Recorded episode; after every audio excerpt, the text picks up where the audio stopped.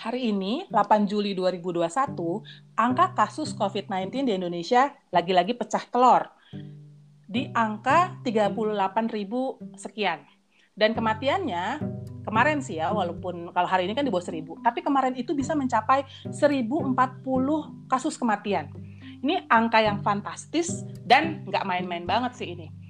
Kalau krisis dan kecemasan di dunia usaha kan udah sering kita bahas ya beberapa podcast sebelumnya, beberapa episode sebelumnya, terutama di masa PSBB awal tahun lalu krisis pada waktu itu inget gak sih? Masih kira-kira aduh gue kena layoff nggak ya? Gitu. Nasib gue gimana nih? Aduh gue harus ambil dana darurat nih. Aman gak ya dana darurat gue? Gitu. Atau kalau misalnya uh, yang punya bisnis gitu mikirin nih diversifikasi bisnis apa ya yang harus gue lakukan biar bisa survive? Gitu. Krisis tapi in a way memaksa kita tuh jadi berpikir. Nah, hari-hari ini krisisnya tuh bener-bener literary antara hidup dan mati misalnya gue terpapar ya positif. Ada rumah sakit yang masih bisa terima nggak? Aduh napas gue udah megap-megap nih. Tabung tabung oksigen tuh masih tersedia nggak? Masih bisa isi ulang nggak? Nah berdasarkan data hari ini juga ya angka kasus di Indonesia tuh udah mencapai 2 juta sekian. Dan angka uh, kematiannya tuh menyentuh uh, nyaris 63 ribu. Kalau bukan krisis, gawat, darurat, gue gak paham lagi ini apa sih namanya? Iya, kayaknya emang terlalu banyak term ya alias istilah yang beredar gitu loh. Padahal hmm. sih intinya sama aja ya, krisis semakin dekat dan sayangnya hmm. masih banyak yang sense of krisisnya tuh tumpul. Ini sih hmm. membuat gue agak sedih ya. Hmm. Dan ah oke okay deh, tapi kita nggak mau ini dulu uh, bersedih dulu dengan data-data tadi yang di atas ya. Hmm. Mau semangat. Halo teman-teman uh, karena kata kreatif, sehat selalu ya. Dan memang memasuki minggu pertama PPKM tadi ya namanya udah berubah lagi gitu udah nggak sampai terlalu banyak singkatan juga ya. Ya kami berharap kondisi teman-teman selalu sehat, bisnis dan cuannya lancar dan hopefully teman-teman juga selamat dari tertular dari virus COVID-19 ini, baik kita maupun di lingkaran terdekat kita. Wah, jadi uh, mungkin teman-teman juga nanya juga nih, wah mentang-mentang PPKM saat kita semua harus diem kok podcast karena kata hmm. juga ikutan. Ada 5000 email masuk bertanya loh.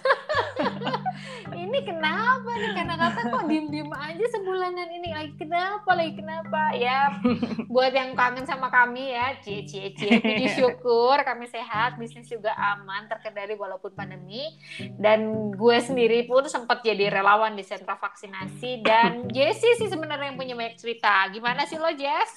Halo semua. Tadi udah nyerocos di awal terus baru halo di tengah ya. Yeah. Kabar gue puji Tuhan baik ya, mm uh, Kak Rul. Eh aku juga sibuk bulan lalu, mm. Kak Rul ya kan. Nah kalau Kak Rul tuh sibuk menjadi relawan, like lu tuh seminggu dua kali ya? Iya, seminggu dua kali. Tapi seharian ya, abis itu nggak bisa dikontak sama sekali. Nah, kalau Kak Ruli tuh sibuk menjadi relawan ya, uh, apa namanya, pejuang kemanusiaan ya. Kalau aku sibuk uh, apa namanya uh, berjuang supaya sehat menyembuhkan diri ya hmm. karena karena di bulan Juni kemarin gue tuh sempat isoman isolasi hmm. mandiri dengan segala penderitaan sih mulai drama sekaligus pembelajarannya nah emang iya sih Jess ya waktu uh. itu tuh emang kita berdua tuh juga ya lagi sama-sama sibuk karena kita juga nggak jumpa secara offline walaupun uh, kita updating itu sama kalau WhatsApp tuh masih lancar-lancar terus ya mm -mm. sehingga gue tuh memang bener beneran kayak nggak ngerti. Nggak perhatian sama aku. Day to day Jessie tuh waktu itu kayak gimana gitu kan uh, mm -hmm dan waktu itu soalnya waktu itu kan Jessie baru uh, pergi gitu emang harus uh -uh. harus pergi terus balik ke uh, ke Jakarta ke Depok sebenarnya terus gue tuh cuma bilang ini kayaknya lo uh, karena badan lo tuh udah lama nggak traveling keluar keluar jadi badan lo kaget kali gue cuma bilang gitu mm -mm. aja Jess waktu mm -mm. itu ya positive thinking uh, uh, bilang udah deh kayaknya lo perlu istirahat apalagi kan penyakitnya Jessie tuh biasa takutnya bisa ya kalau nggak uh, jauh-jauh dari sinus ya kan? Meler sakit kepala gak usah gitu, dibacain. Kan. nah waktu itu dan juga pada akhirnya uh, kemudian uh, muncul ada term itu mm-hmm. harus isoman akhirnya. Itu karena di tengah-tengah orang gue bilang ini Bu kita ini masih rekaman podcast nih. Terus Cici bilang suara gue nggak ada. Pas kita itu kita meeting juga udah bilang ini Rul gue diem aja ya suara gue bener-bener hilang. Hah emang Dena kenapa? Gitu. Oke okay, Jess lo ceritain deh hari ini. Kita apa kenapa ya jadi gue tuh uh, sebelum eh sebelum gue mengalami gejala-gejala covid itu ya sebenarnya uh, yang seperti Kak Rul bilang tadi gue tuh baru balik dari luar kota. Jadi ini acara uh, promosi doktoral temen gue. Harus datang dong ya kan? Karena temen dekat terus pas balik Jakarta gue pikir ini kayaknya gue kecapean aja deh nih gitu. Tapi lo kan tahu badan lo ya gitu. Jadi ternyata kok gejala-gejalanya beda dengan kecapean atau flu dan sebagainya gitu kan. Sebagai tadi kan lo udah nyebutin ya segala penyakit gue kan. Jadi seba, sebagai kaum jompo ya gue tuh tahu banget nih uh, ini kalau spek kecapean tuh begini kalau spek hmm. masuk angin begini ya kan? Hmm. kalau mau datang bulan begini kalau sinus kambuh begini. Nah kali ini beda banget bu rasanya gitu loh. Jadi gue yang kayak setelah gue membaca gue aduh ini kayaknya gue positif. Tapi karena uh, gue bener-bener yang benar-benar ambruk gitu jadi gue tidak sempat uh, dan gue juga waktu itu nggak berani ke rumah sakit karena waktu itu kasus udah mulai naik gitu kan mm-hmm. nah waktu lagi sakit-sakitnya itu gue tuh langsung tuh menginformasikan ke orang-orang yang kontak erat uh, sama gue selama gue di luar kota kemudian mereka tes, untungnya mereka negatif gitu kan. Oh, Kalau enggak kan aku bisa di amuk masa ya. Jadi gue langsung tuh memutuskan untuk isolasi mandiri gitu sama uh, suami gue karena kita kan tinggal serumah ya. Udah itu kan rumah kan minimalis ya. Jadi lu lagi lu lagi gitu. Nah, dan gue emang waktu itu terlalu lemes juga sih buat buat kelayapan gitu. Jadi gue bener-bener aduh gue nggak berani. Terus gue ngerasain badan gue kayaknya uh, gue nggak mengalami yang berat-berat gitu ya gitu. Hmm. Uh, udahlah gue uh, apa namanya gue di rumah, di rumah aja. aja. Uh, nah terus gue tuh sempet mikir gitu, kok gue bisa kena ya? Terus dan gue dan gue doang gue sendiri dari antara temen gue yang 15 orang itu ya, mm. yang kami bertemu dan kita tuh bertemu tuh tetap prokes loh, mm. gitu loh. Hmm. Jadi itu cuma ada sekali one time sesi foto, eh sorry dua kali, dan itu lepas masker gitu kan. Mm -mm. Tapi juga berjauhan ya pokoknya gitulah anyway mm-hmm. gitu nah jadi akhirnya gue memiliki persepsi persepsi baru gitu bahwa mm-hmm. siapa aja bisa kena di suatu waktu di suatu tempat nggak peduli ya seketat apa pun lo prokes mm-hmm. bukannya nggak mungkin kalau apa ada faktor anomali gitu yang bisa bikin lo kena mm-hmm. dan ternyata betapa rentannya kita gitu loh buat kena. Ya kan gue minta maaf dong sama teman-teman gue itu kan. Yeah, eh sorry yeah, ya, yeah. siapa tahu gue jadi carrier gitu. Nah mereka ada yang minta maaf balik. Sorry ya, jangan-jangan gue yang OTG. Cuma karena gue sehat, gue fine, kenanya ke lu gitu. Mm. Jadi kalau mengutip salah satu uh, klien kami yang sempat ngobrol gitu dia bilang gini eh kalau tertular atau enggak itu akhirnya bergantung pada tiga hal sih. Satu imun. Dua iman. Tiga giliran. Aduh malas banget ya kalau udah giliran ketika uh, kita dulu menjaga itu ya Betul, nah, betul. sebagai penyintas nih ya, share dong ke teman-teman karena kata kreatif apa aja yang lo alami uh, selain yang tadi lo udah bilang badan lo jadi babak pelur ya. Dan gimana sih caranya supaya tetap semangat dan survive dan akhirnya suara lo balik lagi nih. Oh, akhirnya ya. Suara gue akhirnya kembali sesudah tiga minggu. Aduh, tapi ya sebenarnya apa pun penyakitnya ya, mau kata lu masuk angin doang, pilek, yang namanya sakit pasti nggak enak. Nah, secara spesifik ketika lo terpapar, ini bener deh, udah badan lo sakit, lo juga nggak bisa function gitu. Dan itu kan otomatis buang waktu, karena pusing, Bu. Ya kan? Jadi untungnya sebelum gua keluar kota, kayaknya gue udah menyelesaikan beberapa pekerjaan. Memang waktu itu ada meeting-meeting, cuma kan meetingnya online ya, Kak. Iya, iya, iya. Off kamera dan yeah. off iya. suara gitu. Uh, uh, uh, uh gitu. Nah terus kayak nah, tenggorokan gue tuh sakit gitu. Hmm. Tapi nah ini nih, lo tenggorokan lo sakit, tapi lo harus lu batukin gitu. Hmm. Sementara kalau lu batuk, lo harus ambil ancang-ancang. itu kayak uh gitu kan kayak yeah. lo iya. harus keluarin gitu dan uh, itu asli ya bo itu capek banget kayaknya lo kayak kayak lo angkat dumbbell gitu loh oh.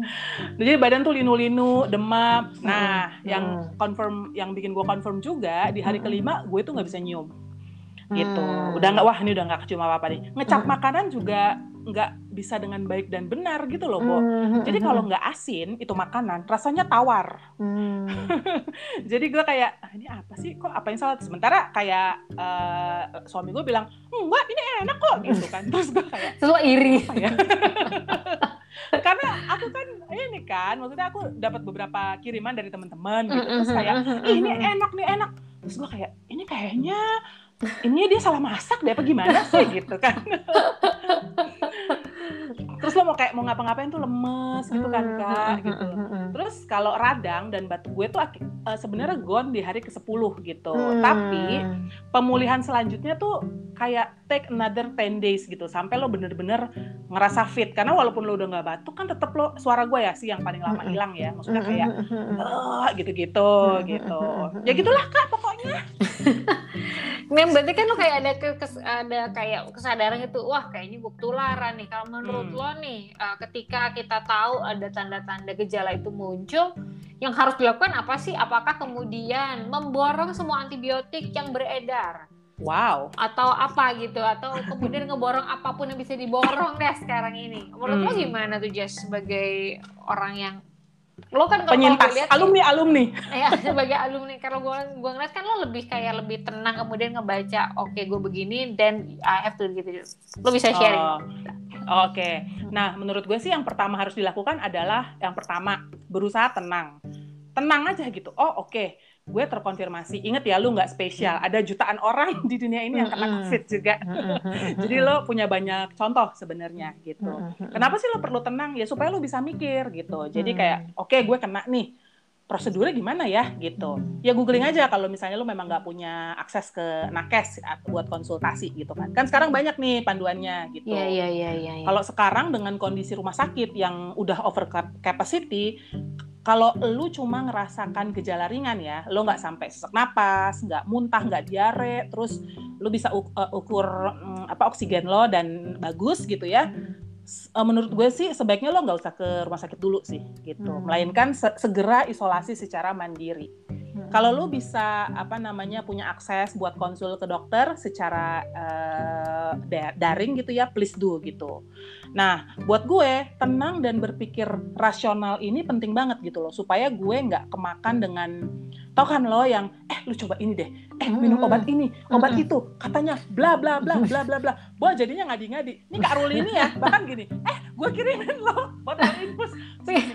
Buat apaan kak botol infus? Gitu. Terus tapi gue inget oh mungkin lo pikir uh, sinus gue kena kan? Iya kan kalau kita kena sinus uh, apa namanya hidung, kan? cuci hidung gitu pakai air infus gitu. Iya. tuh kak Ruli sampai hafal tuh ya.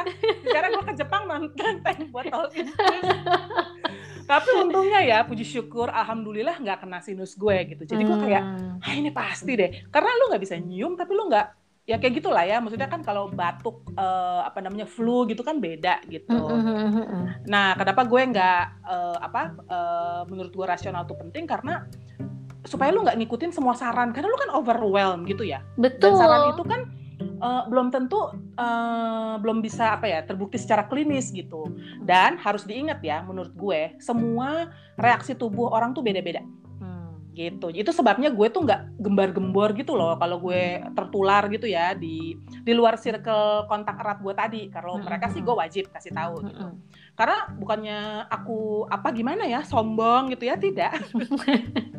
Karena memang gue tuh nggak mau terima advice yang belum terbukti secara empiris gitu. Dan gue juga gue tuh lagi nggak punya energi buat menghadapi judgement orang gitu ya kan? Hmm. nah balik terus yang tadi kenapa gue nggak gembor-gembor tapi uh, gue uh, yang kedua nih segera menginformasikan ke kontak uh, erat orang-orang yang gue ketemui di luar kota itu Hmm. Ini wajib banget hukumnya, nggak boleh ditunda. Jadi ingat ya, lo mesti jujur gitu. Hmm. Karena gini, mungkin di lo gejalanya ringan, tapi buat mereka, semisal mereka tertular gitu ya, tuh terlambat satu hari ditanganin aja bisa kolaps gitu misalnya. Mm, mm, mm, gitu. Eh gue sempet baca nih ya, ada satu selebriti yang mm, udah positif gitu loh, tapi dia nggak mau isolasi gitu, tetap mm. kerja uh, apa dengan kru produksi untuk suatu brand. Padahal seharusnya dia nggak boleh begitu kan nggak boleh egois. hmm, gitu. hmm, hmm, ada loh gosipnya kakak cari aja ya di lapak-lapak gosip terdekat ya. Siapa dia? Nah yang ketiga eh, apa namanya kenapa aku tidak mengudara di bulan Juni ya? Karena memang aku lagi fokus fokus buat sembuh. jadi selama gue sakit gue tuh menghindari namanya mengkonsumsi hal-hal yang menurut gue bad vibes hmm. gitu ya nggak cuma berita tapi WhatsApp WhatsApp yang huh nggak spark joy nggak gue buka gitu kan?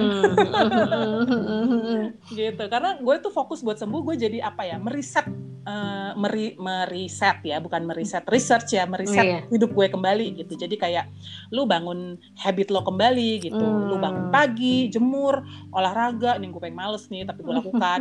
Terus tidur cukup ya kan? Gue kayak hah ini aku Koreanya nanggung gitu gue mm -mm. ini ya kan gue hentikan jarang-jarang gue nonton Korea gue berhenti di tengah ya kan biasa gue harus satu episode habis ini enggak ya terus mm. makan sehat terus beribadah ya dan mencoba terus gembira menurut mm. gue selalu uh, mind over matter gitu. Mm -hmm. Tapi ya sejujurnya di awal tuh gue sempat ngerasa kayak fail banget gitu loh, Bo. Mm -hmm. Kayak ngerasa gagal. Kok gue bisa kena ya? Kok gue? Why? Why? Why? gitu kan.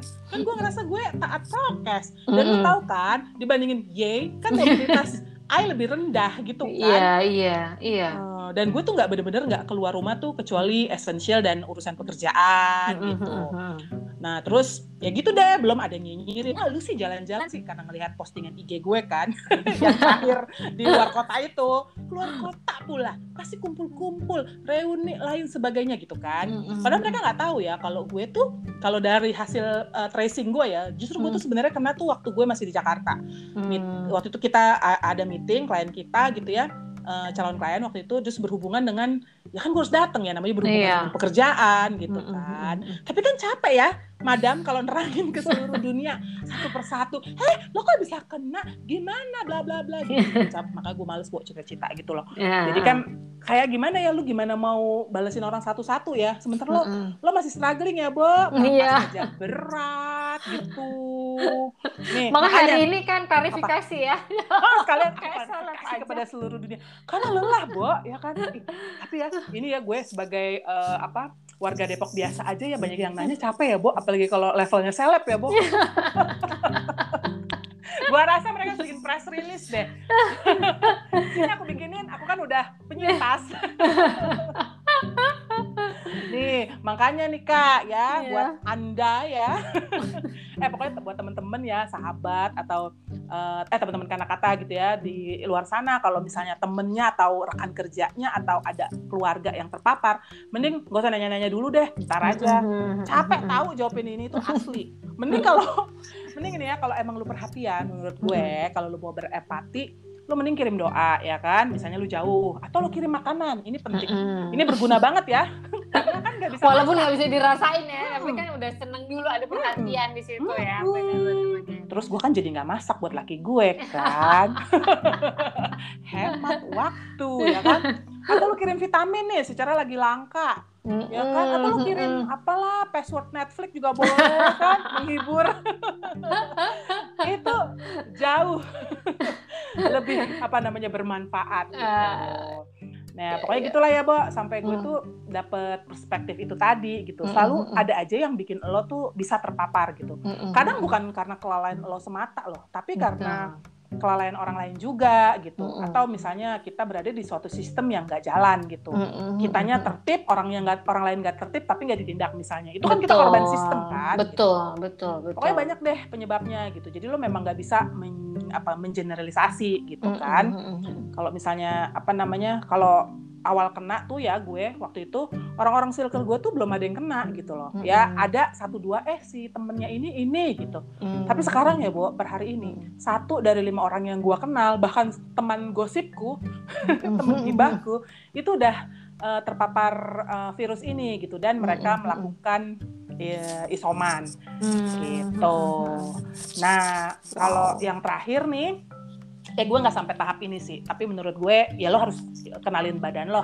Badan lo lah ya gitu. Kalau lo ngerasa wah kok gue nggak membaik ya? gitu loh. Pokoknya makin lama napas makin berat gitu kan. Mm-hmm. terus uh, apa namanya uh, ya lo tau lah badan lo kok kayak ini kayaknya nggak biasa gitu. Nah itu lo butuh pertolongan medis yang serius gitu loh. Lo harus hmm. mencari pertolongan profesional. Jadi hmm. jangan so tahu juga misalnya hmm. ah si si Jessica oh, oh sembuh kok di rumah, di rumah aja. Oh, oh gitu. Ah kata Google ini ih kata katanya di apa di IG Explore ada yang sharing begini gitu. Uh, iya, iya, iya. Nah, lo harus ingat kalau imunitas tubuh kita tuh beda-beda gitu. Terus gue juga kayak begitu gue kelar nih banyak juga teman-teman gue yang nanya, "Eh, lo kemarin pakai obat apa sih?" gitu. Hmm. Terus kayak plek ketiplek gitu, niru mm -mm. tanpa konsultasi dokter. Gue sih selalu bilang, lo mendingan konsul deh gitu. Hmm. Lo kenalin badan lo karena apa yang cocok di gue belum tentu uh, apa namanya cocok gitu di lo gitu. Yeah, Jadi ya iya, kan yang kan lo yang lo minta saran sama orang yang badannya so pasti beda sama lo gitu. Hmm, hmm, itu bener banget sih dan gue setuju banget tuh sampai lo tentang tetap berpikir tenang dan rasional. Hmm. Karena ya itu ya gara-gara panik orang tuh jadi nggak rasional dan ini bikin jadi merembet ke mana-mana di masyarakat kita yaitu misalnya tadi Betul. kurang teredukasi soal virus dan pandemi ini. Jadi terjadi pengucilan dan pengusiran buat mereka yang positif COVID-19 ya kan. Hmm. Ada cerita tuh di teman gue juga diusir dari kosnya karena nggak nggak terima. Iya, jadi akhirnya akhirnya dia harus masuk ke wisma atlet uh, okay. padahal sebenarnya pada saat itu tuh sebenarnya uh, karena tidak bergejala berat sebenarnya masih bisa tapi kosnya nggak bilang nggak nggak nggak terima gitu kan ya mm-hmm. nah juga um, kadang-kadang juga orang tuh jadi nggak bisa berempati pada kesulitan orang lain ya kan? Betul. misalnya nih ambulans masuknya sama lah di komplek eh, di dekat rumah gue juga itu kan bolak-balik ambulans kenapa nih? Gitu kan. Eh rumah mana dia berhenti? Nah, gitu kan. makanya siapa tuh siapa oh di rumah ibu Ruli. Eh jangan jangan sampai kenapa kenapa Nah, terus yang ini juga mungkin terjadi adalah ya panic buying ya. Panic buying itu mm-hmm. keulang lagi. Gue kayak ngerasa kayak di tahun lalu ya awal-awal kan mm-hmm. uh, panic buying kan. Nah, tapi panic buyingnya tuh nggak disinfektan lagi, mm-hmm. nggak ngeborong makanan lagi, nggak gitu. Tapi borongnya adalah tabung oksigen dan itu kayak borongnya kayak apa ya borong kuaci gitu padahal kan kita juga mesti tahu ya mm-hmm. ada beberapa hal yang uh, kalau lo ya itu tadi lo bilang kalau misalnya lo badan lo nggak butuh ya ya udah nggak usah nyetok dulu gitu. You will be oke okay. kalau misalnya perlu pun akan ada nanti uh, apa solusinya. Dan untungnya sih kalau gue lihat pemerintah sekarang uh, geraknya cepat sekali ya. Dia mulai membuka channel-channel. Kalau lo emang isoman lo kesulitan ambil obat kemudian dibuka ada uh, telemedicine. uh, telemedicine dengan menurut gue tuh itu inisiatifnya keren. Keren banget gitu ya. Walaupun sebenarnya kalau gue lihat sih sebenarnya kalau lo sakit lo memang harus lapor ke RT terus nanti RT lapor ke puskes terdekat mereka kasih obat sebenarnya juga bisa tapi mungkin balik lagi tergantung dari RT-nya ya. Iya. gitu ya. Ini rumah tembok semua kak di kompleks gua. Iya. apa RT yang mana ya? Dan juga sampai timbul ada kekerasan terhadap nakes kan gara-gara ingin mendapatkan tabung oksigen.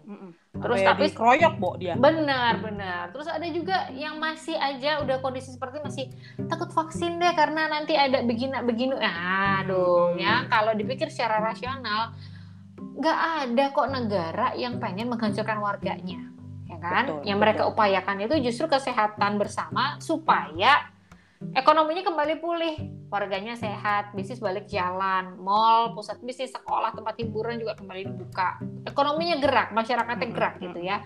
Orang balik lagi kerja pedagang bisa jualan lagi perusahaan bisa kembali gaji karyawan secara utuh ya kan? Every everyone's happy and end of story itu. Betul, Jadi betul. para pelaku yang hobinya bikin teori-teori sendiri uh, sudahlah. sudah, itu yang panik buying tuh gua rasa ini deh sister-sister online shop deh.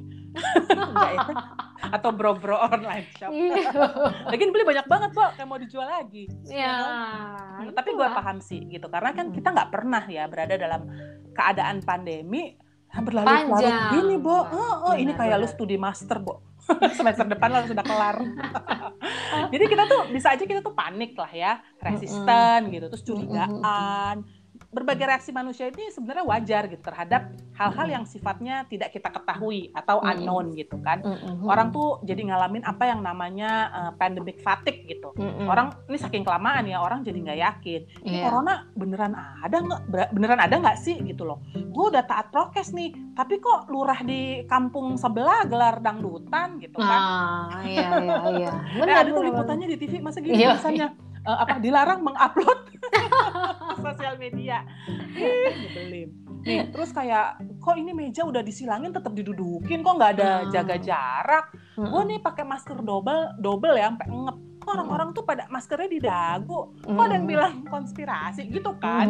Tuh buntut-buntutnya kan orang jadi mulai ah tahu ah capek gitu lu jadi yeah. abai prokes gitu kan mm. lu membuat konten-konten provokasi gitu kan ya kayak si ibu ye di mana di mana di Padang Padang buat apa namanya provokasi-provokasi itu buat uh, apa ya nggak percaya Supaya sama percaya. eksistensi COVID ini gitu loh jadi uh. kayak kita langgar uh, jadi mereka melanggar berbagai aturan gitu. Jadi nggak heran uh -uh. kalau dalam seminggu terakhir ini angka kasus COVID-19 di Indonesia tuh gila-gilaan. Uh -uh. Bahkan ya Pak Luhut bilang bahwa ini bisa ya kita pasti bisa men, apa mungkin kita tuh bisa mencapai lebih dari 50 ribu hmm. gitu ini yang tested ya Bo belum yang gentayangan ya di luar yeah, sana yeah. Gitu. Yeah. kayak gue kemarin kan gue udah ah, pasti aku aku luput dari perhitungan padahal yeah, gue yeah. Uh, positif gitu mm -hmm, misalnya hasilnya ya yang terpampang di depan kita sekarang ini gitu loh mm -hmm. para nakes overwork gitu ya dan yeah. berguguran gitu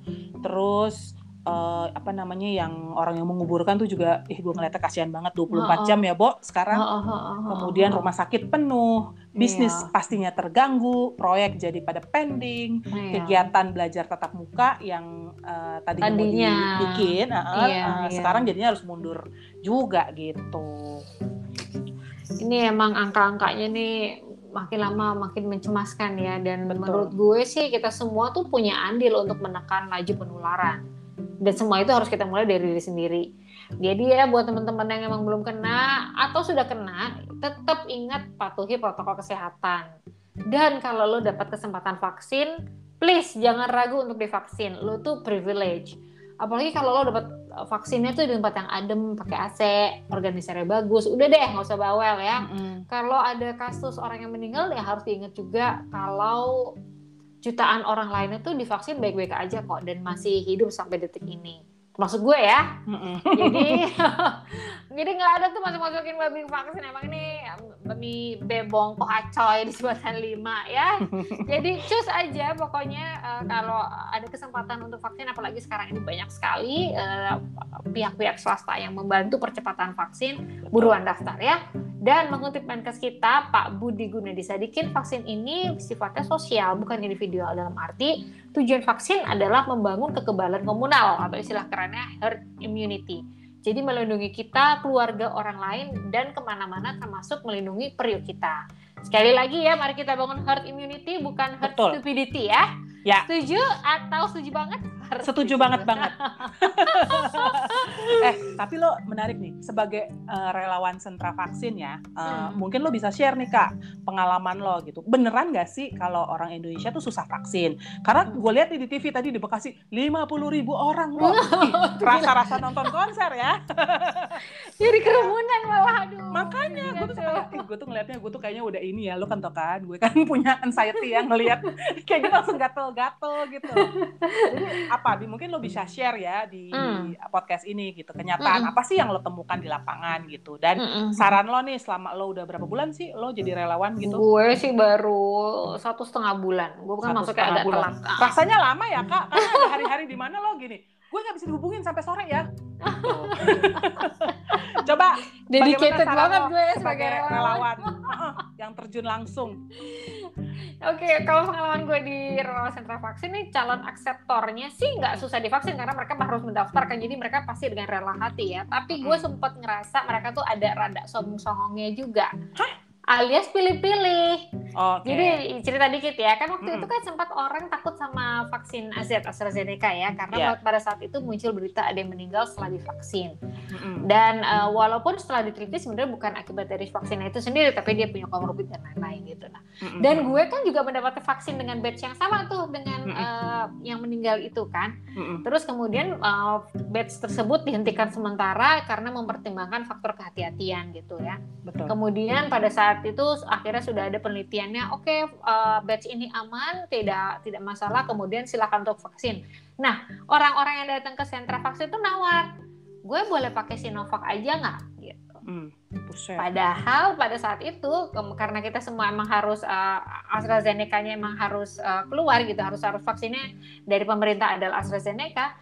Jadi pada masa itu um, uh, di sentra vaksin yang uh, gue relawan itu memang hanya mengizinkan boleh pakai Sinovac kalau ada surat dokter. karena kan emang minim kipi ya. jadi Oh, jadi ada emang harus- optionnya. ada optionnya. ada Oh. karena kan beberapa orang yang memang misalnya ada masalah dengan pengentalan darah tapi dokternya boleh vaksin tapi tidak AZ kan boleh pakai Sinovac Oh, gitu kan. Iya, iya, iya, iya. Jadi kalau nggak ada ya nggak boleh uh, tuntuknya harus pakai uh, AZ gitu. Mm-mm. Dan mungkin juga sih karena di sentra vaksin di, di sini yang pelayanannya itu bagus, jadi gue mesti bang ya bangga juga sih karena setiap kita buka slot gitu pasti langsung penuh tuh. Mm-mm. Jadi memang kesadaran orang untuk uh, minta divaksin dengan dengan nyaman dan baik gitu ya. Uh. Jadi orang tuh rebutan. Jadi misalnya di di Instagram udah diwar-war kan uh, nanti malam buka untuk tanggal sekian sekian sekian tiga hari ke depan.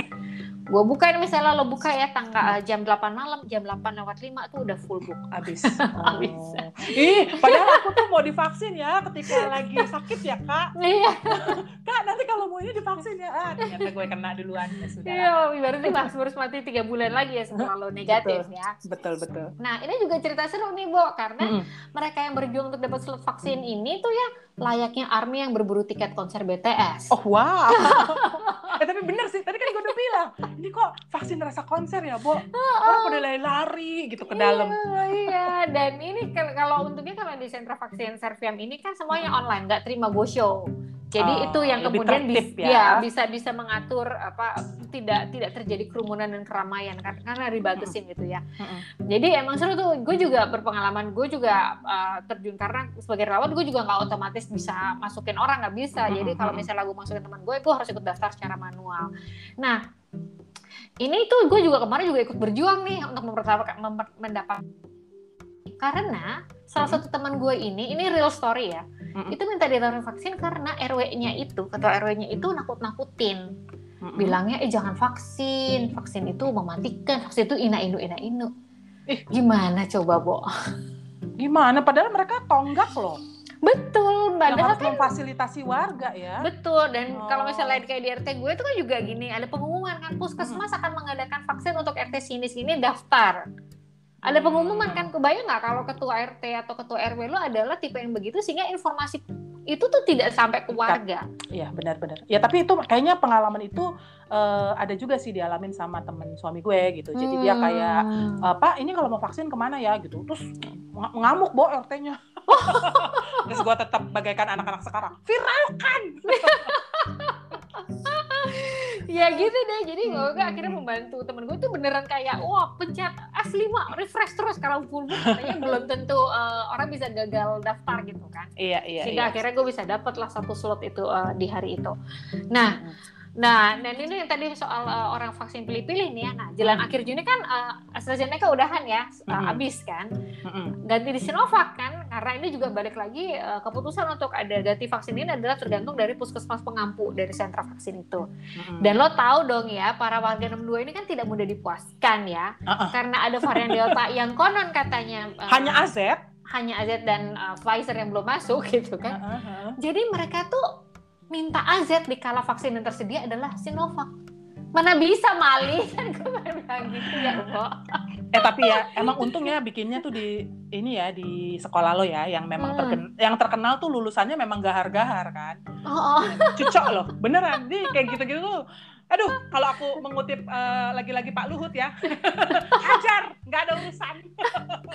Dan emang kerjaan itu Spartan dan bagus banget sih gue emang harus memuji deh para relawannya itu. Nah, nanti juga ini kan, Jess, eh, ketika kita menjadi relawan juga risiko penularan COVID itu di sentra vaksin juga sangat memungkinkan Betul. kan ya. Betul. Eh, makanya itu juga ju- ada cerita lucu dan menegangkan juga nih. Jadi Mm. kami tuh udah menekankan pas di- dari depan, pas mereka lagi antri gitu ya di Mm-mm. depan, udah dibilangin yang lagi batuk, flu, demam pulang aja.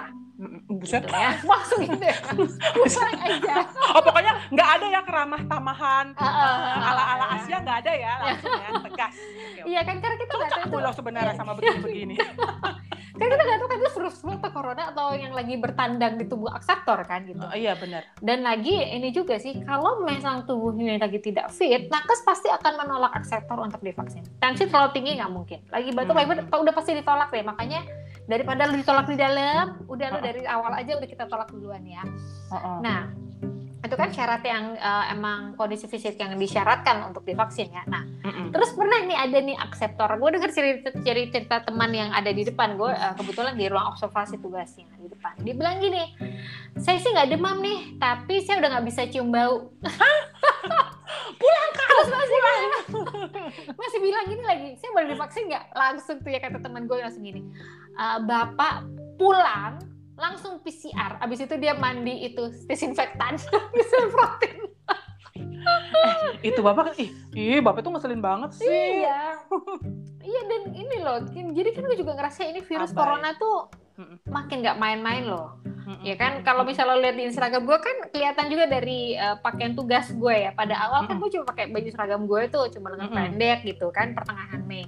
Semakin ke sini eh, setelah libur Lebaran nah, angka COVID naik tuh kan bungkusannya banyak ya? Oh, sama nakes waktu itu diharuskan udah harus pakai maskernya harus yang KN95, harus pakai gaun nakes itu yang kayak semacam APD, pakai sarung tangan, pakai hairnet dan penutup kepala. Dan gue sekarang juga eh, tadinya masih pakai cuma gue gak pakai face shield, sekarang gue pakai face shield. Karena, yang lo bangga banggakan itu kan Ah, karena ah, ah, ah, punya Raffi Ahmad dan Nagita ya. Udah sebarin aja biar para pendengar tahu Tidak, Oke. jadi memang eh, ketika gue menjadi relawan, gue was-was nggak? Iya was-was banget dong. Dan iya lo lo eh, tuh diserbu oleh berbagai kemungkinan betul ya apalagi kayak tadi-tadi gitu kan nekat-nekat gitu gitu kan dan eh, makanya eh, untungnya juga sih setiap di tempat sentra gue ya pokoknya seminggu sekali emang kita harus ada antigen dan kemarin ini pas gue tugas tambahan itu juga paginya sebelum kita tugas di swab antigen dulu. Kayak maksudnya kita nggak pengen kemudian dikatakan sebagai wah sumbernya ini ternyata dari petugasnya nih gitu kan. Hmm, Jadi memang em, ya itu ya gue memang ekstra juga ya asupan gizi, vitamin gak boleh kurang, cuci tangan jadi terus-terusan emang impactnya jadi tangan kering ya udahlah nggak apa-apa kan. Sampai rumah juga langsung mandi, pokoknya ya balik lagi tuh ya kita emang harus saling menjaga lah, ya kan? benar-benar soalnya ya memang itu karena efek-efek abai itu loh yang Mm-mm. terakumulasi ya kan? Kayak lu nggak tertib prokes lu nggak mau ngaku positif ya atau kayak tadi ya udah sampai hilang penciuman masih kayak lupa diri. Lu asik-asik aja gitu loh Bo gentayangan. Nah gitu loh. Nah karena lu apa perbuatan lo semua itu. Dan mungkin kita juga punya andil ya kita nggak tahu ya. Iya. harusnya saat ini kita memang nggak punya excuse Bo, buat teriak-teriak. Kalau sampai pemerintah tuh akhirnya terpaksa mengambil keputusan untuk melakukan ppkm darurat Jawa Bali ini gitu ya. Terus kayak di daerah-daerah kan juga mengikuti gitu. Iya, iya, iya. ya kan? Lo susah. Semua orang juga susah Bo. Nggak lo Mm-mm. doang gitu loh. Iya, lu iya. bosan di rumah. Ih semua orang juga gitu tuh nyokap gue ya dalam satu setengah tahun terakhir keluar rumah tuh cuma tiga kali Hmm. potong rambut vaksin pertama vaksin kedua udah Hmm. lalu kebayang dia senepnya dong Iya, iya, Apa iya. gitu loh. Benar, benar, benar. Jadi nggak cuma lo yang ngerasa kehidupannya tuh terhenti gitu untuk sementara Mm-mm, waktu mm-mm, gitu. mm-mm. Kita tuh semua dalam keadaan uh, city situation ya, together gitu loh. Jadi ya menurut gue ya lu be wise lah and do your part gitu loh. Kalau apa pemerintah tuh ya kita dukung lah mereka melakukan apa yang perlu mereka lakukan ya kan, melakukan pembatasan, terus apa tracing, uh, vaksin gitu. Iya. Sementara kita bisa melakukan apa yang bisa kita lakukan sesuai dengan kapasitas kita gitu. Seperti lo bilang tadi ya kak, saling jaga gitu. Kemudian saling berempati juga gitu loh. Ini bener-bener siapa sih bo yang mau kena gitu kan? Kayaknya jadi stop your judgment gitu. Mungkin dulu gue juga kayak gitu ya. Eh lu kok masih memaksa mudik gini gini gini gini gitu. Nah gue juga ketika gue mengalami oh ternyata memang gue tidak boleh judgment gitu. Supaya apa ya kita supaya kita tetap inilah apa keep the positive vibes gitu ya. Betul. Supaya kita Bisa sama-sama sehat ya Betul. kan cepat pulih baik ke kondisi fisik kita maupun eh, kondisi perekonomian negara kita gitu. Pokoknya kita bisa bangkit Indonesia bangkit. Ih, ya Allah Pak Jokowi masih bangga dengan gue Iya dan jangan lupa kan hati yang gembira adalah obat ya. Betul. Jadi mungkin ada teman-teman yang dengerin tuh lagi isoman atau lagi di rumah sakit ya, stay positif dan lawan ya kita lawan bareng-bareng penyakitnya. ya ya Teman-teman yang sehat, please selalu ketat jaga prokes. Dan yang belum vaksin, ya segera vaksin. Udah banyak pihak yang bantu pemerintah untuk mendapatkan vaksin gratis. Dan dipilih aja tempatnya uh, yang pilih yang daftar online sih menurut gue daripada lo. Go show hmm. jangan jangan jangan. Dan uh, ya makan makan bergizi minum vitamin dan jangan memperburuk keadaan dengan menyebarkan berita-berita basi nakutin yang kayaknya udah dari tahun lalu keulang lagi nih tahun ini ya. Hmm. dan buat teman-teman karena kata kreatif yang merasa buntu karena lagi-lagi harus di rumah total mungkin sekarang waktunya untuk melakukan refleksi pribadi kerjaan tugas-tugas selama ini tertunda karena nggak ada waktu ya dan salah satu poin kami terinspirasi untuk bikin buku selama pandemi. Ide menarik kan? Nah, hmm. tapi kalau misalnya nggak tahu, aduh nulisnya gimana sih kak? Materinya menarik nggak sih? Butuh penyunting deh kayaknya biar lebih smooth. Ah, tidak masalah. Karena walaupun masa PPKM, kata-kata kreatif tetap menerima teman-teman yang ingin berdiskusi dengan kami online aja ya perihal service-service yang ada di Kanakata mulai dari pembuatan buku, website, podcast, media sosial, cus ya. Betul. Woi, jangan ragu-ragu untuk kontak gue atau Jesse di IG kami at kanakata kreatif atau email aja di marketing at kanakata.co. Yes. Akhir kata, gue dan Jessica pamit. Salam sehat buat kita semua. Bye. Bye-bye.